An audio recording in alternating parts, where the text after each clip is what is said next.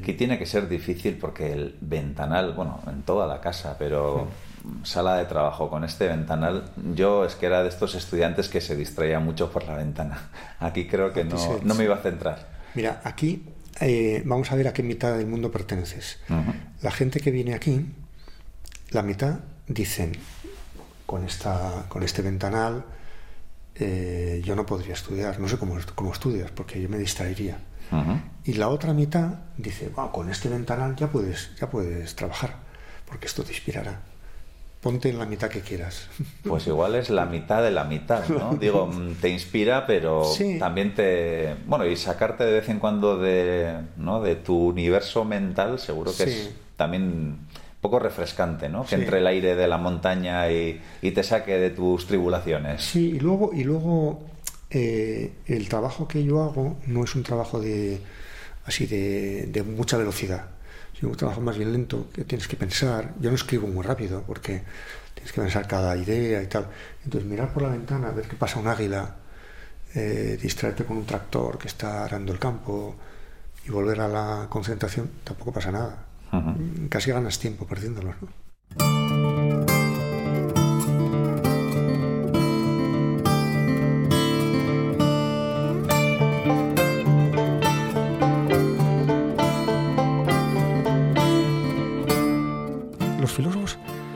Sabemos del todo. a nosotros lo que nos gusta es la totalidad, cómo, cómo se integran las cosas, cuál es la totalidad de la realidad. Y hay gente que piensa que es que sabemos de todo.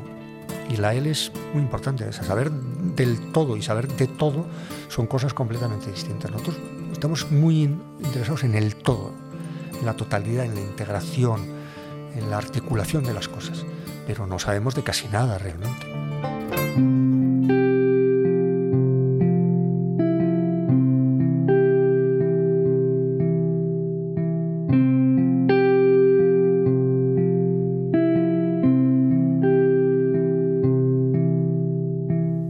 Es una charla en la que cada cierto tiempo nos vamos a asomar al ventanal. Y no es porque la clase magistral que nos va a regalar el anfitrión de este capítulo de Estamos Dentro no sea interesante. Hay pocas cosas más importantes que entender el mundo en el que vivimos. Y para ello, nadie mejor que el filósofo Daniel Inerarity, porque él dedica largas horas a decodificarlo aunque también se asoma al ventanal de vez en cuando, para oxigenarse. Y esto es algo que a nosotros también nos va a ayudar, para poder interiorizar sus reflexiones. Palabra de John Martija.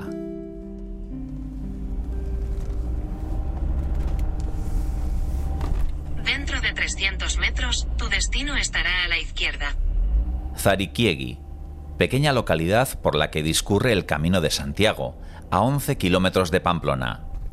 No llega a los 200 habitantes. Al pueblo de viejas casas le insertaron una prótesis moderna, una calle de unos 100 metros salpicada a izquierda y derecha de adosados. La calle acaba en ninguna parte. Antes de llegar al final, encontramos la caverna de Daniel Inerarity. Tu destino está a la izquierda.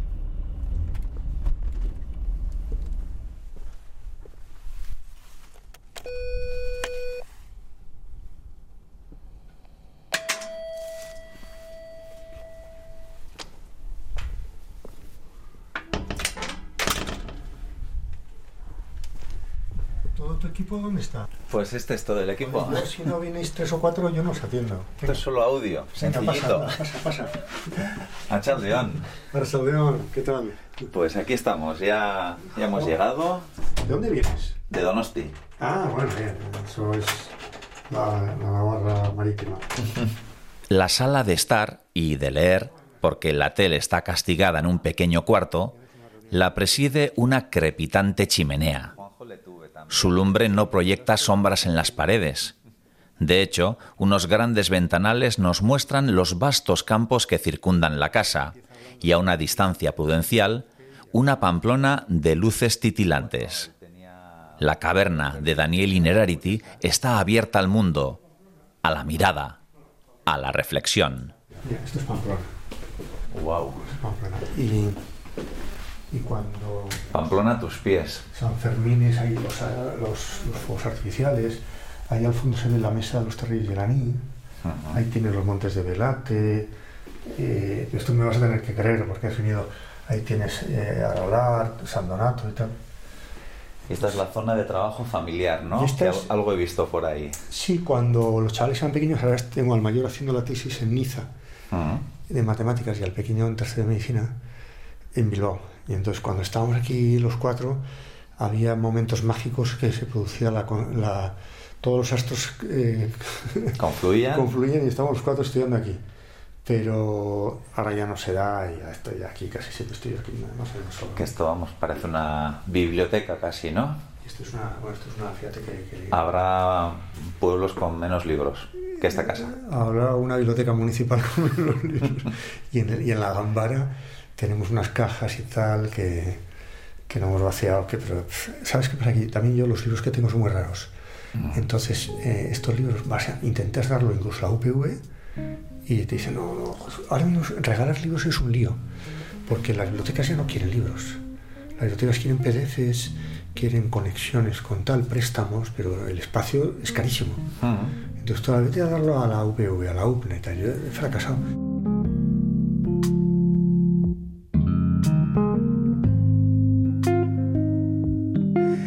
Bueno, Daniel, qué lujo de, de casa. Realmente, no sé, se ve como muy nueva. No sé cuánto tiempo lleváis viviendo aquí. Llevamos aquí, esta casa tiene 23 años. Ahí va, pues parece más nueva. Tiene 23 años. Lo que pasa es que, hemos, la, casi la mitad de ellos hemos vivido fuera, en el extranjero, la hemos tenido alquilada. Eh, este, este es un pueblo que le llaman Siberia. Te puedes imaginar por qué. Supongo. Y antes de la guerra de Ucrania, eh, ahora no sé cómo seguirá esto, nos llamaban los rusos. En la cuenca, si tú dices que vives en, en, la gente de los pueblos, así la gente mayor, ah, tú eres ruso. Y, y tienes que decir, sí, sí, yo soy ruso. ¿eh? Y te entiende perfectamente, sabes dónde vives, y ya está.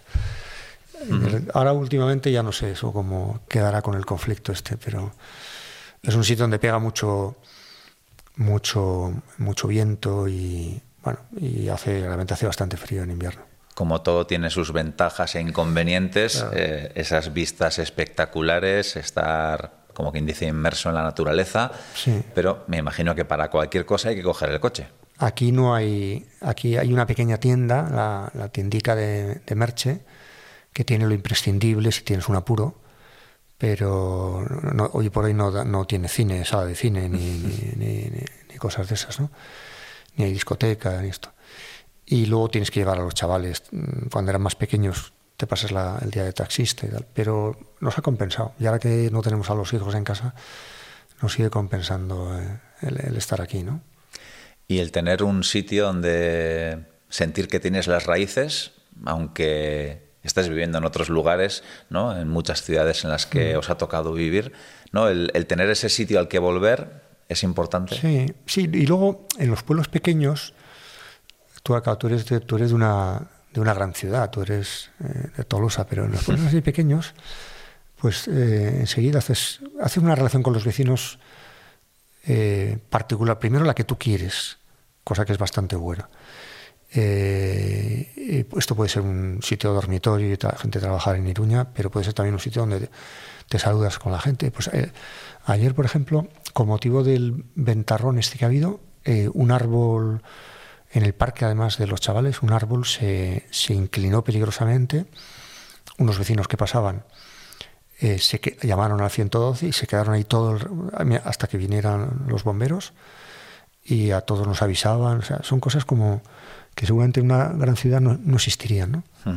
De todas formas, decías, ¿no? Mm, Tiene un punto de pueblo dormitorio, de hecho esto es una urbanización, ¿no? Como de, de viviendas adosadas, Sí. que luego está el, el nucleito, Con el Camino de Santiago, sí. Ajá. Pero no sé si los del pueblo de toda la vida, los rusos de toda la vida, eh, os, os habéis integrado bien o, o todavía os ven un poco como, bueno, mm, estos son rusos pero de segunda generación. Seguramente, seguramente no somos no somos ZTV, ¿no? En Zariquí toda la vida, ¿no?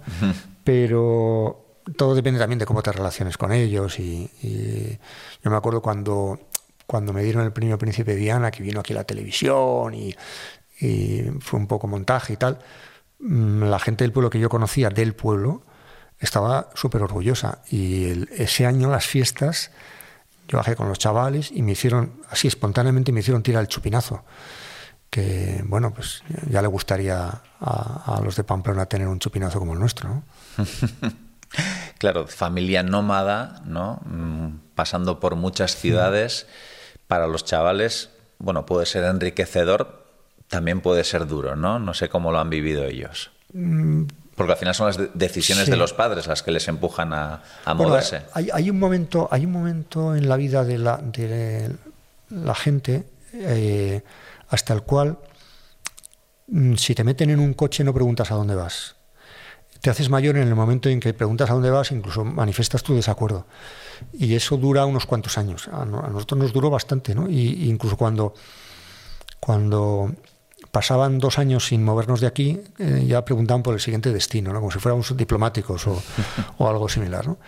Y yo creo que a ellos les ha, les, les ha gustado, realmente les ha, eh, seguramente les ha hecho tener menos amigos en, esa infancia, pero, pero bueno, pero saben seis idiomas, eh, más o menos bien, y han visto mucho mundo, y ahora ya que han estudiado la carrera en, en Euskadi, en la UPV, pues ya se han hecho sus amigos, y incluso ya el mayor se ha ido a Francia a hacer la tesis.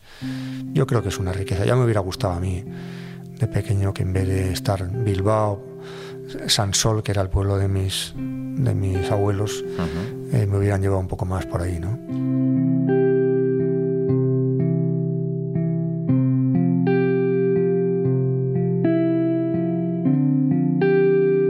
Daniel es un navarro nacido en Bilbao, como él mismo se define. Pero a pesar de que podría llevar a engaño, Inerarity no es un apellido vasco, es escocés. Si estos eran mis tatarabuelo, mi tatarabuelo con su hermano eh, salieron de Escocia en el siglo XIX a Estados Unidos. Se llamaban Inverarity, John y James. Y al llegar allí les, les sonó raro aquello, se equivocó el registrador del puerto de Pensacola en Florida y puso doble N eh, en vez de Inver. Inver es una palabra escocesa que significa ribera, el Arity es un río y Inverarity, Inverarity es un, un pueblo que está entre Dundee y Aberdeen, donde hemos ido de peregrinaje a ver si había un palacio buscando herederos. Alguna herencia perdida. No, lo había. Y, es más, era un pueblo bastante pequeño donde nos encontramos un chaval conduciendo un tractor con la camiseta del Real Madrid. Y yo en aquel momento maldije la globalización. ¿no? Yo pensaba, pensaba que mis raíces eran eh, no tenía nada que ver con, el Real Madrid. ¿Tú te habías imaginado algo tipo Inisfrío así? Algo así, y gente con, falda y un palacio em, para regalar y, que todos me recibieran, hombre, un, por fin un descendiente. Y me acuerdo cuando iba a pagar algo con la, con la visa, eh, enseguida decía, bueno, esto es un hombre escocés. Y la persona que me cobraba en un bar o en una tienda o en un restaurante miraba como diciendo, bueno, ¿y qué? ¿no? Eh, seguramente hay Ah, van, irán cantidad de descendientes de escoceses, sobre todo norteamericanos. ¿no? Bueno, total, que a, mis, a mi tatarabuelo y a su hermano les, les confundieron el nombre y yo siempre he dicho que yo ya llevo el error en el, en el origen. ¿no? Otros tienen el privilegio de equivocarse después, pero yo lo tengo ya equivocado. ¿no? Y soy bastante tolerante con que lo escriban mal los demás, ¿no? precisamente por esa circunstancia. Daniel, eh, remontémonos no tanto a los tatarabuelos como a tu infancia, ¿no? Pues no sé si uno de niño dice yo quiero ser filósofo. En mi caso no, en mi caso yo de niño yo quería ser pintor porque me gustaba mucho la pintura y bueno, gané algún pequeño concurso así. Y, pero mi padre que era ingeniero aeronáutico le parecía una estupidez y y me dijo que estudiara otra cosa, ¿no? Y entonces, entonces yo pensé, bueno, voy a estudiar filosofía, pero en segundo empiezo Bellas Artes y ya le ya me voy, voy, voy recuperando lo que yo quería originariamente. Pero me quedé enganchado en la filosofía. descubrí que la filosofía es apasionante Y además luego encontré un texto de Platón, o sea, esto no es porque me lo dijera Platón, pero luego encontré un texto de Platón en el que eh, las musas le dicen a Platón, dedícate a la música. Y Platón dice, o Sócrates, dice, ya me dedico a la, música, me dedico a la filosofía, que es la música más excelsa. Viene a decir algo así, muy cursi, dicho hoy en día. Pero bueno, yo podría decir que en el fondo la filosofía ha satisfecho mi deseo de, no sé muy bien de qué, de, creatividad, de escritura, eh, de una manera que probablemente la, la pintura no, no, sé si lo hubiera satisfecho. Igual se ha perdido un gran pintor y se ha quedado un filósofo así del montón.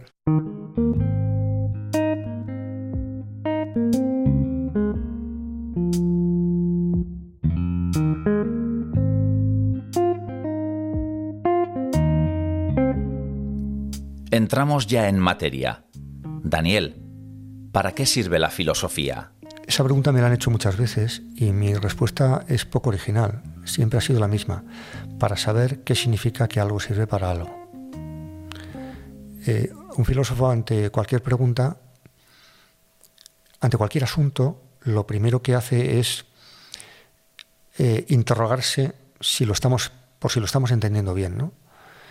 Y seguramente en ese concepto que tú acabas de arrojar aquí en la conversación de utilidad, alguien que lleva toda su vida dedicada a la filosofía, eh, el dispositivo que se le dispara es preguntarse si la noción que tenemos de utilidad vigente en la sociedad actual es correcta o no, en el fondo qué significa. Y seguramente la, la utilidad, la mayor parte de las veces la podemos entender como crematística, servicio a la sociedad, pero yo pienso que hay que entender que lo que nosotros hacemos en el beneficio que nosotros hacemos a la sociedad es no tanto tomar partido en una dirección o en otra en el marco definido por las reglas del juego, sino interrogarnos si esas reglas del juego, si esos marcos son los adecuados o no. Por ejemplo, si la idea que tenemos de utilidad es útil realmente, ¿no? Tu cátedra es de filosofía política que casi podría parecer un oxímoron del tipo ¿no? de inteligencia militar. Sí. Tengo dos cátedras, porque la, mi, cátedra es inteligencia, es, filosofía política, pero la, cátedra que ahora tengo a mitad, porque estoy a dedicación parcial aquí y en Florencia, es inteligencia artificial, que también daría para otra reflexión. Sí. Hablaremos, si, puede haber, de ello. Si puede haber algo. Sí, eh, los políticos, eh, como son gente que da órdenes, eh, la política es un lugar poco dado al aprendizaje. Es un lugar, si tú estás dando órdenes, no estás muy preocupado de aprender.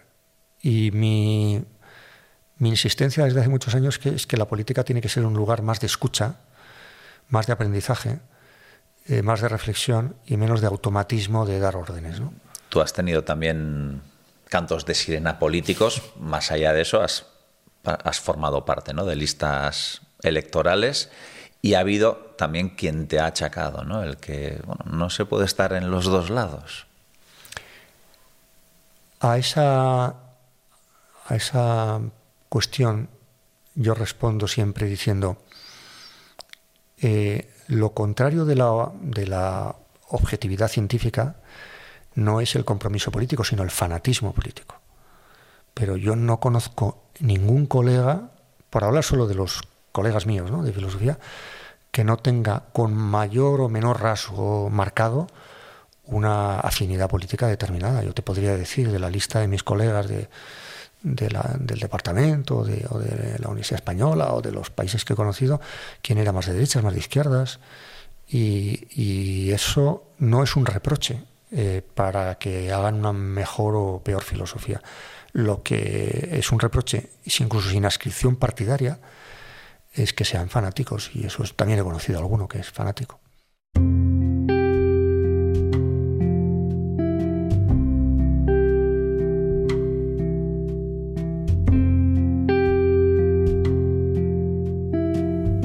Muchas de las publicaciones de Daniel Inerarity se centran en el ámbito de la política. Esto ha hecho que se haya codeado con muchos políticos, aunque alguno de ellos lo conoció antes de que diera el salto a la primera línea. Estuve dos años dando clase en la Sorbona y un día me dice, me dice eh, el que me había invitado y con el que solía estar más, me dice, te voy a presentar a un chaval, chaval, que está encargado de, está gestionando los archivos de Paul Ricoeur, que es un filósofo, era un filósofo francés muy bueno, y, me, lo me lo presentó al, final de un pasillo, me acordaré siempre del sitio donde era. Aquel chaval se llamaba Emmanuel Macron, y estuvimos charlando un rato y tal. ¿Y quién me iba a decir a mí que luego iba a ser presidente de la República? Y de hecho, cuando fue, bueno, él hizo, eh, hizo los archivos de Ricoeur, y luego se hizo un máster en banca, se dedicó a la banca, ganó mucho dinero, y luego se dedicó a la política. Y cuando se dedicó a la política, cuando fue ministro de Hollande, le hizo ministro de Hacienda, me escribieron de su gabinete para una reunión para hablar de la socialdemocracia del futuro o algo así.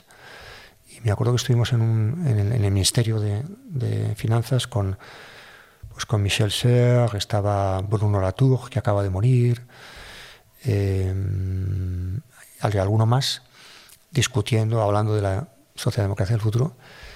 Y yo le vi ya muy distraído que no le interesaba mucho la socialdemocracia del futuro. Y efectivamente, al cabo de un mes, me acuerdo que salimos de allí, Michel Serres y yo, y dijimos, este, este está en otra guerra, no, está, no le interesa la socialdemocracia, le interesa otra cosa. Y efectivamente, ya había rumores de que se iba a presentar. Y bueno, y acabó de presidente. Pero en fin, eh, no, no, íbamos a hablar de Macron, sino de mí. Pero te cuento esta pequeña anécdota porque me ha tocado también estas cosas que, que viajas mucho y tal, pues te doy a conocer gente muy diversa y, luego, y también ocasionalmente me ha tocado conocer a políticos de, de, bastante nivel, ¿no? Y, he aprendido mucho, ¿no? Hoy, por ejemplo, que está, hoy ha dimitido Antonio Costa. Sí. Eh, por una acusación de corrupción, a ver, a ver en qué se sustancia, pero Antonio Costa fue... Y es noticia, es noticia que dimita un político y, y, que dimita un primer ministro, ¿no? Sí, y pues Antonio, Antonio Costa fue la, la la primera persona, así, personaje público en Portugal, que preguntado qué está usted leyendo, dijo que me estaba leyendo a mí y lo recomendó hasta tal punto que muchos políticos de Portugal, eh, no solamente del Partido Socialista, sino también del Partido Socialdemócrata, que es el centro derecha de allí, sé que me han leído eh, por, por, iniciativa de él. Bueno, y luego con Antonio Costa he estado, he en varias ocasiones, me presentó un libro, una traducción al portugués, me presentó. Hacía bastante tiempo, sí los libros, eh, tus libros. Has publicado muchos libros. Claro, uno se imagina cómo es la construcción de una novela, ¿no? Pero mm, la construcción de un ensayo filosófico que a veces incluso se puede resumir en una frase, ¿no? Mm, ¿Cómo es ese proceso? Mm, has hablado de las novelas y yo siempre he admirado mucho a los escritores de novelas porque me parece una cosa muchísimo más compleja que lo mío. Y mi mujer Teresa, que se dedica a eso y que de lo que sabes de teoría de la narración, eh, me cuenta cómo se hay que inventar los personajes, cómo hay que establecer una, intriga, el final, el desarrollo. Y de hecho, cuando vamos a ver, vamos a ver eh, cine, yo salgo casi siempre satisfecho y ella siempre sale muy crítica porque ha visto mil defectos en la narración y yo soy más, mm, más eh, simple para, esas cosas. A mí me parece muy complicado una novela y en cambio un ensayo filosófico no me parece tan complicado. Me parece que es una acumulación de horas de estudio de un tema, de horas también de reflexión, de ir tomando notas, de tomar una cita, un texto, eh, ir trasegando material y a partir de un determinado momento tienes ya una idea, un hilo conductor, pero muchos, muchos de mis libros, hay, hay libros que he escrito de una manera en la que sabía lo que quería escribir, sabía hacia dónde quería ir. Por ejemplo, el libro que escribí sobre Europa, la democracia en Europa, sabía perfectamente y además tuve una beca para, para irme a la London School y luego al, al Max Planck en Heidelberg y ya sabía qué libros tenía que leer, con quién tenía que hablar y más o menos, más o menos apuntaba lo que, cuál iba a ser mi resultado. Pero hay otros libros que salen de otra manera, que es, tengo una carpeta sin título donde voy metiendo escritos, ideas, y cuando ya adquiere un determinado volumen, creo descubrir que eso tiene un hilo conductor, un título, algo que le podría dar una coherencia. Pero hay libros más coherentes y hay otros libros que son menos coherentes, pero que tienen sus lectores también. Y hay libros que venden más o venden menos, aunque desde luego los de filosofía por lo general no acostumbran a ser bestsellers. Los míos no me han sacado de pobre, no, no me han sacado de pobre. Pero para el género este no está mal. para el género de ensayo filosófico y tal. Bueno, y tienes editoriales fieles, sí, y eso siempre es importante, no es un aval. No, yo también soy fiel a la, editorial, a la Galaxia, que se han, portado muy bien siempre conmigo. Y alguna. De los, los tejos ya me han echado de alguna otra. Pero no, no, a mí me gusta esa editorial, además si se portan bien contigo. Aquí tengo, por ejemplo, mira, no que estábamos hablando, mira, estos son mis, mis libros de... Estos son mis, mis, libros, me falta alguno, ¿no? Esta es la traducción italiana de La teoría de la democracia compleja. Eh, esta es la italiana del pan democracia. Y aquí hay una inglesa y tal sueles tener la tentación de ojear esas traducciones de idiomas que no domines? Un mm, poquito no. No, por ejemplo, el finlandés. Eh, mi jefe es finlandés, mi jefe de Florencia eh, fue primer ministro de Finlandia. y, yo tenía tres ejemplares y le regalé uno, ¿no? Ética de la hospitalidad. ¿no?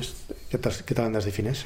Eh, Palión, es todo lo que sé decir. Ahí va, más que yo, ya sabes, joder. Bueno, muchas gracias. Sí. Intento saber decir muchas gracias en muchos idiomas. Muchos idiomas. Mira qué bien. Pues esto es eh, ética de la hospitalidad. Y, pero los otros sí que, sí que intento repasar, porque en los idiomas que sé. En francés, inglés, alemán, italiano.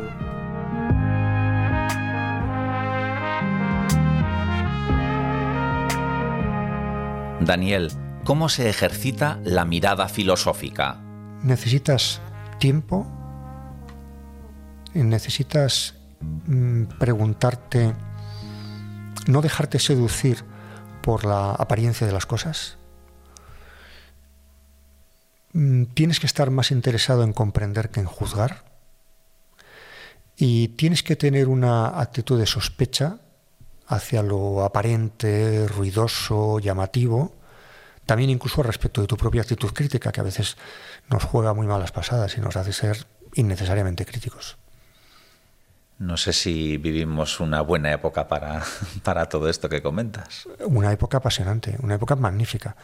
Eh, nunca, no, no, sé si en otros momentos de la historia, yo, claro, yo no tengo tanta experiencia histórica, pero mm, mi, mi vida, que es relativamente corta, pero creo que no ha habido ningún momento de la historia de la humanidad en el que ha habido más cosas vuelta al aire como, como ahora, tantas cosas.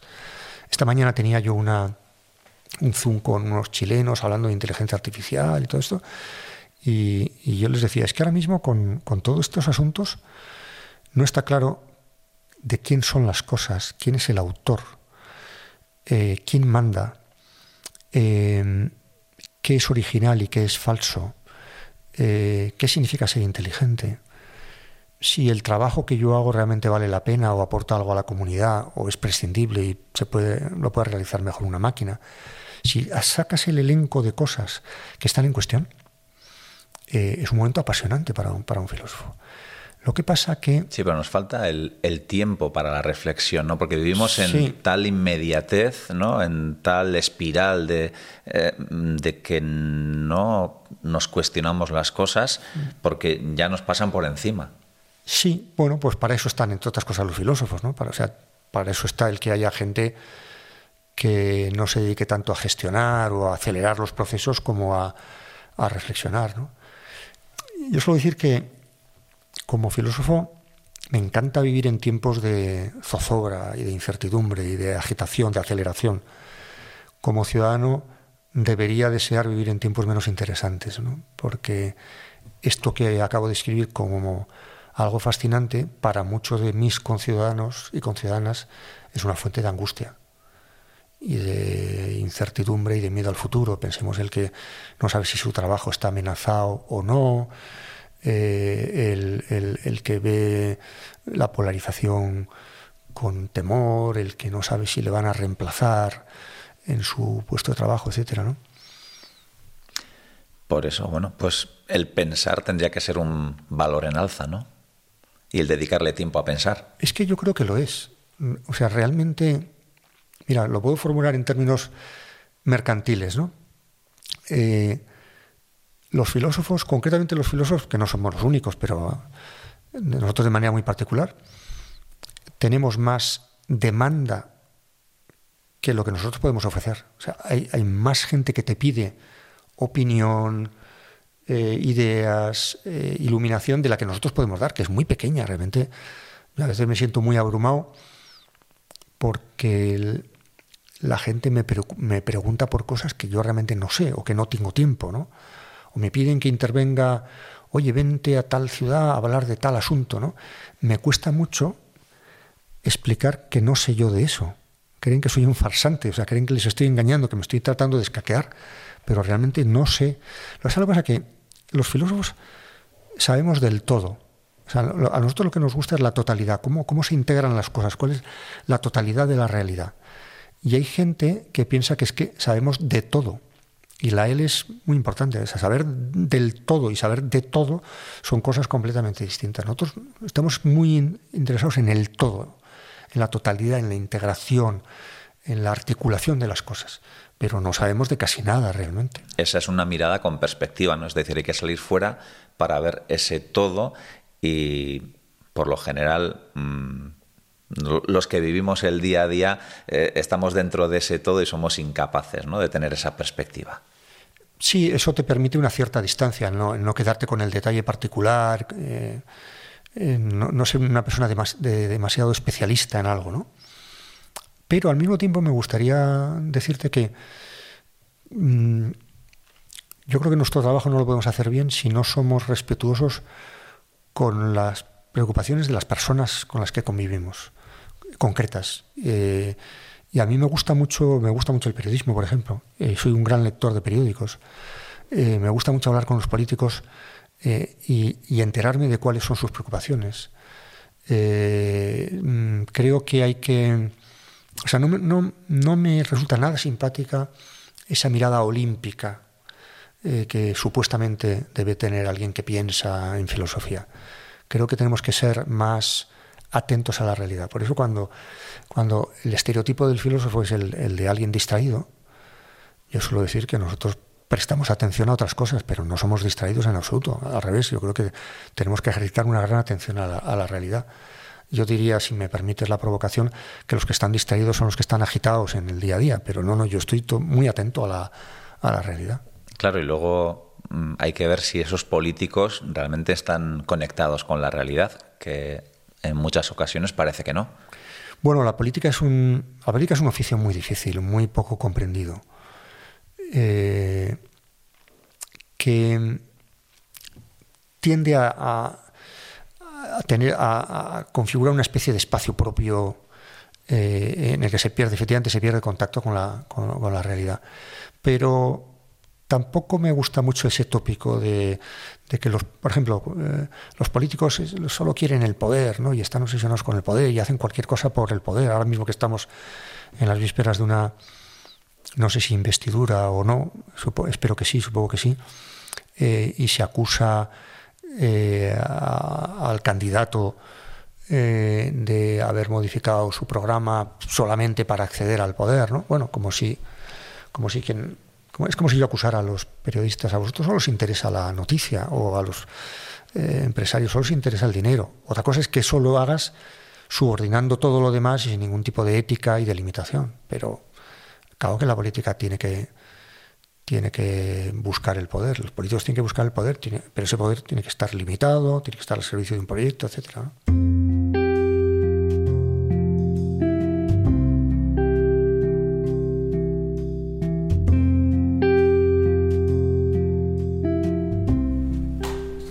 televisión, porque la televisión es un mueble horrible. Yo no sé por qué la gente pone la televisión y alrededor cosas adornándola. No, la televisión hay que esconderla. Claro, yo te iba a decir, aquí la pantalla de plasma son esos ventanales que tenéis. O sea, ¿para qué quieres mirar la tele teniendo esas vistas, teniendo la chimenea? Y la chimenea. Que luego hay gente que en la televisión pone una chimenea. Sí. Bueno, vosotros tenéis la chimenea de verdad. que, esta mola más. Esta, esta durante, durante la pandemia se pusieron, no sé si en Guipúzcoa, pero desde luego en Navarra, el que nos puso la chimenea, que es de un pueblo de aquí abajo, eh, se, hinchó a poner... Eh, porque claro, la gente descubrió la casa del pueblo. Aquí en Pamplona hay mucha gente que, es de pueblo originalmente, sobre todo de Tierra Estella. Y por aquí pasan nada más, los domingos por la tarde pasan coches que vienen, y el, viernes por la tarde coches que van y tal. Y, entonces yo en alguna entrevista que me dije, preguntado, ¿qué es la felicidad? Y dije, pues la felicidad, lo más parecido que conozco a la felicidad es un buen libro al lado de una buena chimenea. Y este que me puso en la chimenea lo vio, lo leyó, lo oyó, no sé en qué periodo, quizá en noticias sería o sí. Y lo va repitiendo por ahí. y el otro día le puso una chimenea. O sea, que le regalaste un eslogan publicitario. y el otro día me llegó, me llegó a través de una prima mía que en un pueblo de Tierra Estrella se había puesto y que me había citado mientras ponía la chimenea, como dice Daniel Inerarity y tal, y dice, ah, sí es primo mío. Hombre, mejor que lo diga Daniel Inerarity que no un influencer de estos de, O que mi primo, o que mi primo, o sea, lo dijo esto mi primo como para desmitificar, que tampoco es para tanto, ¿no?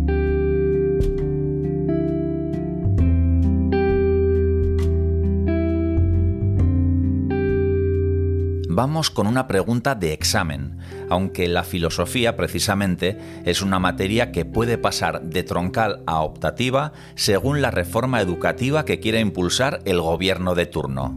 Yo desearía que la filosofía tuviera una mayor presencia en, el currículum educativo. Me parece que, sería, sería bueno eso. Pero también me pregunto, desde el lado de la barrera que a mí me corresponde, ¿cómo explicamos nosotros filosofía a la gente? Eh, yo no he dado clase de filosofía en bachillerato salvo alguna aislada que me han pedido. Pero he dado en la universidad, doy en la universidad, y mm, no me gusta ese tic con el cual los filósofos enseguida eh, achacamos a que nos dan pocas horas eh, toda la problemática y no nos preguntamos si nosotros estamos explicando bien a la gente, si estamos haciendo la filosofía atractiva. La filosofía es apasionante y a veces metemos unos rollos, puede que yo lo esté metiendo ahora mismo, pero a veces metemos un rollo, no sabemos eh, conectar bien eh, las grandes preocupaciones de la historia de la filosofía con, las preocupaciones de la gente. Eh, a mí me ha tocado durante muchos años corregir exámenes de la selectividad, en mis años de Zaragoza, por tanto no estoy hablando de aquí. Y yo recuerdo haber tenido que poner buena nota a exámenes en los que yo me daba perfectamente cuenta de que aquella persona aquel chico, aquella chica, eh, había lanzado unas formulaciones que seguramente no conectaban en absoluto con su vida. Y, nadie le había explicado que las categorías trascendentales de espacio y tiempo, tal como las pensó Kant, tienen muchísimo que ver con nuestra realidad corpórea, material. Eh, yo creo que eso es, es, o sea, más que echar la culpa a los políticos de que no nos den muchas horas, yo creo que nosotros nos deberíamos preguntar como profesionales de la filosofía si lo estamos haciendo bien, si estamos interesando a la gente, si estamos mostrando que la filosofía se ocupa de lo que le interesa a todo el mundo, aunque a lo mejor no lo sepa. Porque sí que ha habido libros, por ejemplo, ¿no? de filosofía que han sido bestsellers, que han conectado con la gente. Bueno, o, recientemente los ha habido, pero a lo largo de la historia de la filosofía ha habido libros de grandes libros de la historia de la filosofía que no digo que fueran bestsellers en su tiempo, porque ese concepto no existía, pero que eran libros que cualquiera podía entender. Si tú ahora coges cualquier diálogo de Platón, cualquier, eh, cualquier conciudadano culto eh, de la época de Platón podía, podía entender perfectamente de qué se trataba, ¿no? Lo que pasa es que entiendo, quiero creer, ¿no? Que, no es lo mismo decodificar eh, la realidad de la Grecia clásica que la realidad del mundo actual después de todas las interpretaciones que ha habido y de, es decir, cómo aportas algo nuevo, ¿no? Una visión que, sea nueva y, que realmente aporte. Seguro, seguro que sí, que, ha habido una progresiva complicación de la historia y de la realidad. Pero eh, piensa el mito de la caverna de Platón, que hemos estudiado todos en el bachillerato, ¿no? La, idea de que estamos viendo algo que son sombras de una verdadera realidad que se proyectaría en, esa pared eh, de espaldas a la luz. Es una metáfora básica de la historia de la humanidad y seguimos dándole vueltas a eso. Matrix, era eso. Matrix, eh, ahora mismo las fake news, la realidad de la inteligencia artificial, el metaverso, es sino una versión un poco más sofisticada y tecnológica de lo que Platón ya pensó. Claro, luego está quién maneja los hilos de todo eso, ¿no? A mí me ha llamado mucho la atención, por ejemplo, en esta cumbre que ha habido en Londres, ¿no? Sobre la inteligencia artificial, 27 países, la UE, pues por ejemplo, uno de los actos eh, fue una entrevista que le hizo Rishi Sunak, el primer ministro británico, a Elon Musk. Es decir, eh, que el primer ministro le entreviste a, un empresario eh, me resulta muy llamativo, ¿no? Bueno, y a, un personaje además muy cuestionable desde, desde, muchos puntos de vista, ¿no? yo creo que es un cara dura, que, que además tiene, tiene parte de culpa él y otros como él, en haber hecho de, este mundo de, la inteligencia artificial, de la digitalización, un mundo lleno de expectativas desmesuradas y de miedos también desmesurados. Cuando es una tecnología muy sofisticada, pero que tendremos que regular y gobernar y gestionar como, como el resto de las tecnologías a lo largo de la historia. Y ahí está el kit de la cuestión, ¿no? esa regulación que es lo que ocupa y, preocupa a los dirigentes y, por supuesto, a la sociedad. Lo que decías, ¿no? Mm, ¿Qué va a pasar con mi trabajo? Sí. Bueno, eh, hay que. Ahí los, los, los, políticos, los gobernantes tienen, tienen una gran responsabilidad. Primero, primero de todo, de hacer una narrativa correcta después de haber hecho un, diagnóstico de la realidad. Pero que la narrativa sea correcta. ¿no? no podemos estar en una narrativa de yo me voy a Marte como Elon Musk o, simplemente eh, Suni, que tampoco es que el tema de la inteligencia artificial le haya preocupado demasiado en su carrera política, eh, no es de los, de los más aplicados de la clase en esa materia. ¿no? Eh, mm, no podemos estar lanzando todo el día la sospecha de que los puestos de trabajo eh, se van a quedar, van a, van a ser suprimidos, pero tampoco podemos dejar de tomarnos en serio el temor de mucha gente a que su puesto de trabajo sea, sea suprimido. Hay que, hay que diferenciar entre puesto de trabajo y tarea. Hay que proteger a la gente que la transición la va a hacer mal.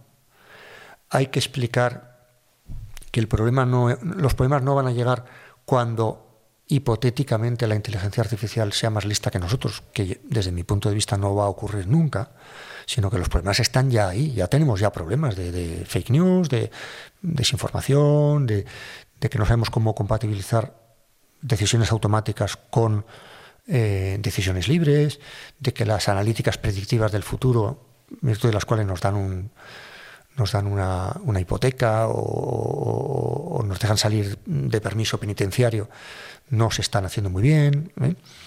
Tenemos que explicar, o sea, los políticos tienen una primera obligación básica de hacer una narrativa correcta, una narrativa que responda a la seriedad del asunto, pero que no lo dramatice eh, excesivamente. Y luego llegará, una vez que esté esa, narrativa, la gestión de los riesgos, eh, la, la, nueva regulación de, de dimensiones de la tecnología que hoy por hoy no conocemos muy bien.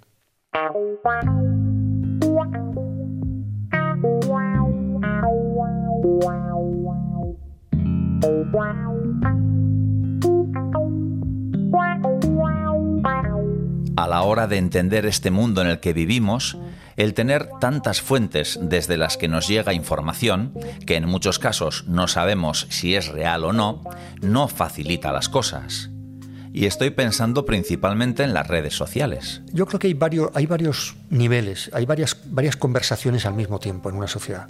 No, solo, no hay solo una. Hay una conversación en Twitter, hay una conversación en el Parlamento, hay una conversación en, la radio, hay una conversación en los parques. Y la gran cuestión es cómo se articulan y, cuál de ellas tiene la primacía o contamina a todas las demás. Evidentemente la, la conversación de, las redes sociales es muy poderosa. Pero, primero, las redes sociales eh, han tenido un efecto democratizador indudable. Y es que han horizontalizado la, conversación. Yo, yo le puedo criticar al primer ministro, al endacari, o al alcalde de mi pueblo, a la, alcaldesa, le, puedo criticar. Eh, el valor de esa crítica, desde luego, es mucho menor en un espacio donde todo el mundo tiene acceso a ello, ¿no? Pero esa horizontalización eh, es, muy importante en términos democráticos. De alguna manera ha roto la barrera que distinguía antes muy netamente lo que era la información oficial de la conversación privada. El hecho de que estas dos esferas que antes convivían separadamente y que hacía que un director de un periódico tuviera un poder brutal sobre si dar una noticia o no. No sé si tú recordarás que tienes ya unos años cuando un periodista decía esto no lo vamos a dar, ¿no? Eh, ¿Cómo que no lo vamos a dar? Ahora mismo, si explicamos a nuestros hijos esa expresión no la entenderán, porque nadie da nada. Esto circula y los periódicos o los medios tradicionales, la radio, recogen, codifican, priorizan esa conversación que ya está en la calle. Eso es muy democratizador. El problema que tenemos es que al mismo tiempo esto ha producido una gran desorientación. Hay una infobasura enorme y cada uno va a tener que, elegir dentro de toda esta infobasura que considera valioso y que considera ruido. ¿no? Pero creo que los, los medios de comunicación clásicos van a tener que convivir con, van a tener que hacer un pacto con las redes sociales eh, implícito y cada uno de nosotros va a tener que decidir eh, de qué manera quiere estar presente en qué tipo de conversación. Eh, en las conversaciones, ¿no? Cuando entrevistamos a un cómico, eh, esa situación en la que se espera que ese cómico sea gracioso en todas las situaciones y en todos los lugares y en todos los momentos en los que esté con gente. No, no sé si a un filósofo se le pide que, ofrezca pensamientos elevados cuando está en Zarikiegi en la tienda comprando el pan. Eso que dices de los cómicos me ha pasado a mí, no diré quién, pero un cómico muy famoso con el que un día coincidí en una comida, me pareció un hombre sosísimo, ¿no? Y me quedé muy sorprendido, pero me ayudó a reflexionar en esto que tú dices, ¿no? Eh, hay una división del trabajo y una división de momentos a lo largo del día. Tú no puedes ser ocurrente todas las horas del día, no puedes ser un cómico todas las horas del día, no puedes estar pensando todas las horas del día, ¿no? Hay que desconectar. Eh, es más, yo creo que los filósofos solo lo hacemos bien si... Yo lo he formulado de la siguiente manera. Un filósofo no debería quejarse de que tiene otras cosas que hacer. O sea, el hecho de que tengamos otras cosas que hacer, además de la filosofía, no solamente no nos quita tiempo, sino que nos da racionalidad, nos da cordura. Si alguien, y a mí me ha pasado alguna vez en, la universidad, encontrarme con algún alumno, a una alumna muy fanático de la filosofía, muy, muy, al que yo veía demasiado reconcentrado y que no hacía nada más que leer cosas de este estilo, ¿no? Y, dedicaba 24 horas al día durante las, toda la semana, ¿no? Y haberle recomendado, tú cuando vayas a cortarte el pelo, lee, lee una revista del corazón. De vez en cuando pon la tele. Y me miraban con cara escandalizada de que yo pudiera decir una banalidad de este estilo, pero lo pienso de verdad. Creo que es muy bueno oír a gente que no tiene nuestras preocupaciones, que no está en nuestras claves, eh, que trabaja en el campo, eh, que tiene otros oficios, eh, pero no por entretenerse uno mismo con otras, sino también para hacer bien el propio oficio y para no creer que, no hay más que filosofía.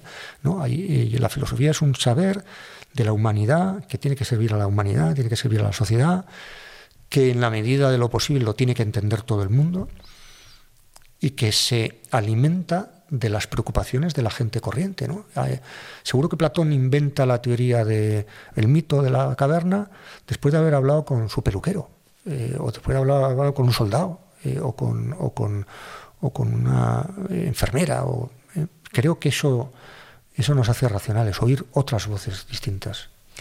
El conocimiento, la información, la infoxicación que decías, tenemos tanta información. Yo ahora mismo así te lo digo, he dejado de ver los informativos. Me pasó en la pandemia, llegó un punto en que dije basta y ahora con la invasión de Gaza también ha llegado un punto en que he dicho no quiero saber más.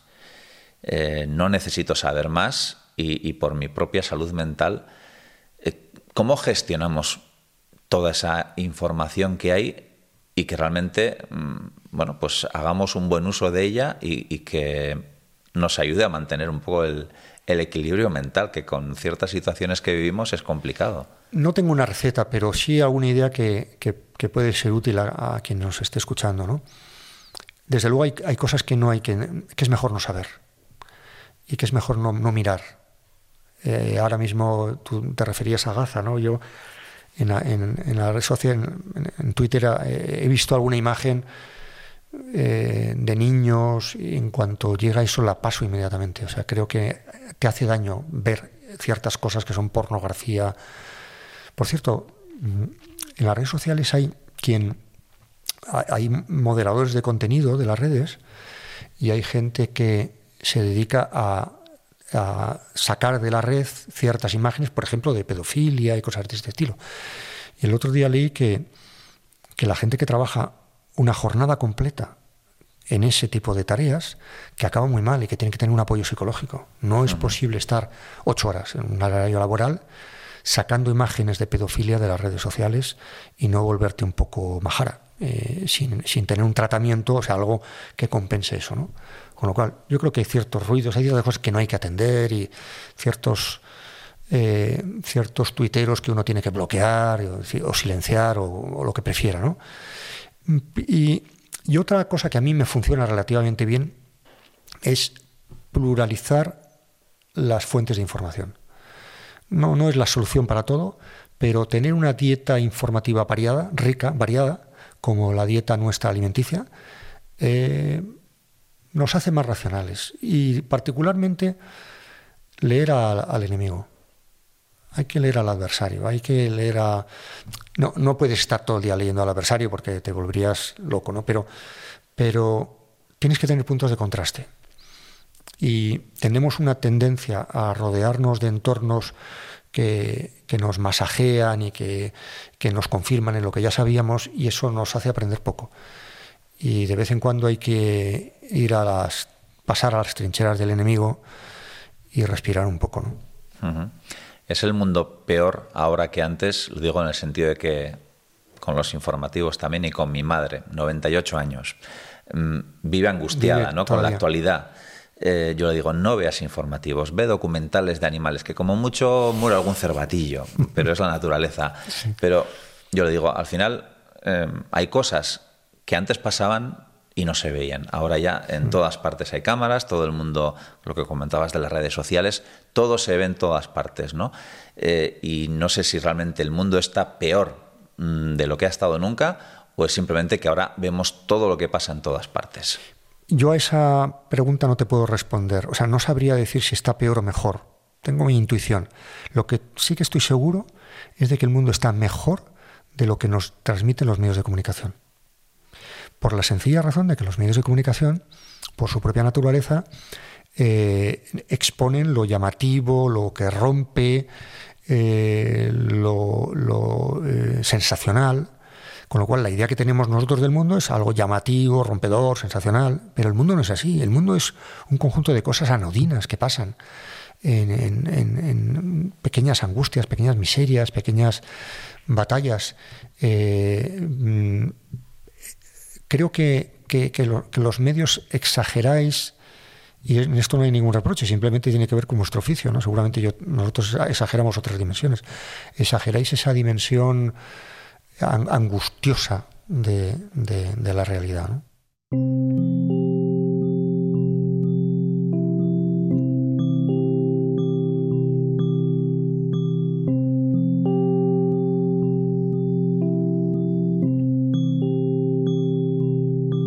A través de los ventanales de la casa de Daniel Inerarity se ve un vasto paisaje con la promesa de las montañas al fondo y esas montañas son la vía de descompresión para nuestro filósofo. Bueno, la montaña es mi, es mi pasión realmente. La montaña me, para mí es, eh, es muy importante, ha sido muy importante en, toda mi vida, ¿no? de socialización, de ejercicio, de contacto con la naturaleza, de reto, adaptado a la edad y a lo que podía hacer, incluso a la, a la época del año, porque yo he hecho escalada, montaña, esquí, esquí de montaña. He ido a los Alpes cuando era más joven y subí he subido la mitad de los cuatro miles que hay en, los Alpes. He subido el, Aneto, el, el, perdón, el Cervino, el, Mont Blanc, Montarrosa. Y en la medida de mis posibilidades también he ido, ido fuera a, los Andes el año que viene iré al Himalaya por primera vez, que no, que no he ido hasta ahora. Y creo que es una, es una, es una desconexión muy brutal. O sea, la montaña exige tanto esfuerzo, mm, generalmente muchas horas, porque de tres, cuatro horas no bajas, aunque sea casi, casi un paseo por el perdón. Y esa desconexión te, te permite volver a empezar. Es como si fuera una cosa como limpiar el disco duro o algo así. Y es, yo, de hecho, nosotros vamos los fines de semana, vamos a, al Pirineo y, nos gusta además todos. Tenemos la suerte también de que nos gusta todo. Eh, Daniel, para finalizar, un, consejo, ¿no? Hemos venido a casa del sabio pidiendo un consejo en torno a cómo enfrentarnos ¿no? a este mundo que decíamos con tanta incertidumbre, en el que tenemos eh, tanta información que, muchas veces eh, condiciona, ¿no? Y, sobre todo creo que provoca miedo, ¿no? Y el miedo paraliza, eh, no ayuda a que tomemos las decisiones correctas. ¿Cómo nos enfrentamos a, este mundo que nos ha tocado vivir? Qué pregunta, qué pregunta más difícil. Yo, yo diría, mm, deberíamos acostumbrarnos a convivir con mayor ignorancia de la que nos creemos capaces. Es decir, mm, a, veces la ignorancia de las cosas nos produce una sensación de inseguridad, de miedo, de temor, de angustia. Y realmente la humanidad ha vivido siempre con entornos de incertidumbre. Ahora hay una incertidumbre muy particular, muy intensa. Pero voy a poner un ejemplo banal, porque, pero que puede ilustrar lo que quiero decir. Eh, nosotros vemos el mapa del tiempo. Por cierto, la meteorología es una ciencia apasionante. Yo que, soy un obseso de la meteorología porque como voy mucho al monte tengo que estar todo el día eh, viendo qué tiempo va a hacer. Y es de vida o muerte y además, en ese contexto. Claro, es importante y ahora que voy a ir a, Perú eh, y voy a ir a, aparte de un congreso de, lo mío, a un volcán de 5.000 y a uno de 6.000, tengo que saber qué ropa llevo, qué frío, qué temperatura va a hacer, eh, em, si eh, los riesgos que hay, el tipo de nieve que va a haber, los rampones, tal. Bueno, eh, los seres humanos hemos aprendido a, gestionar eso. Y pongo el caso de la meteorología porque tú que eres tolosarra, te sueles equivocar cuando sales de casa y calculas si tienes que llevar la gabardina, el paraguas, la chapela eh, o pantalón corto. Generalmente no te equivocas eh, o tienes un margen, ¿no? O a lo mejor llevas algo por si se equivoca tu primera previsión. Bueno, eso que hacemos con el tiempo, quizás todavía que decía antes del cambio climático, cuando, cuando llovía, porque ahora ya es más sencillo, quizás esto es más sencillo, es lo único que es más sencillo, ¿no? Pero en general hemos aprendido a vivir con la, con la incertidumbre. ¿no? A veces yo creo que queremos tener más seguridades de las que la realidad nos proporciona y eso es enormemente paralizador y queremos tenerlo todo previsto. Y hay que dejar que la vida también discurra de una manera espontánea y no, pretender tenerlo todo atado y bien atado. Porque además, de hecho, un ejemplo eh, que a mí me ha llamado la atención de estos últimos años, ¿no? las grandes cosas que nos han sucedido como sociedades no estaban previstas.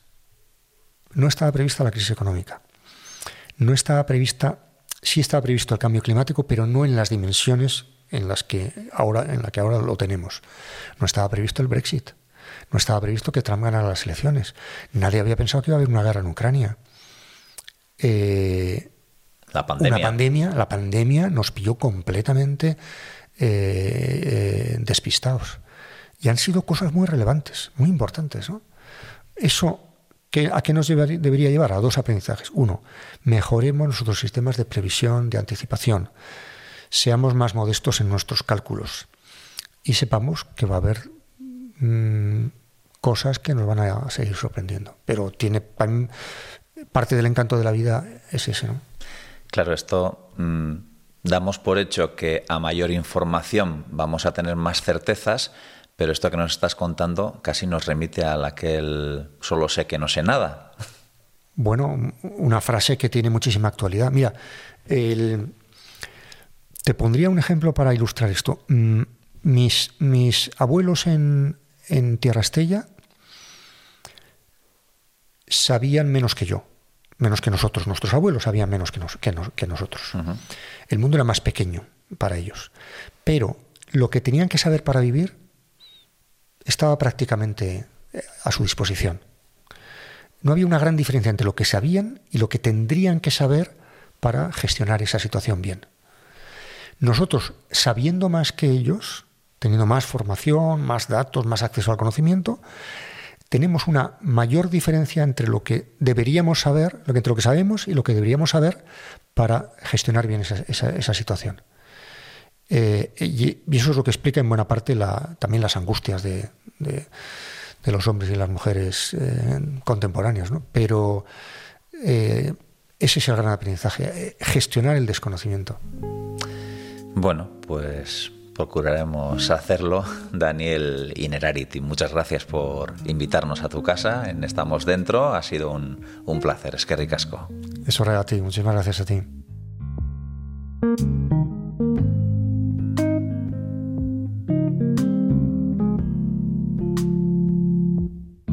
Hasta aquí este último capítulo de la sexta temporada de Estamos Dentro. Quiero agradecer una vez más a Ulu Media y ITV Podcast la oportunidad que me dan para compartir estos testimonios con toda la audiencia. El capítulo de hoy creo que es de digestión lenta, pero lleno de nutrientes para la mente. Espero que lo paladeéis como merece y que su retrogusto os dure hasta una próxima temporada si es que la hay. Un saludo de John Martija.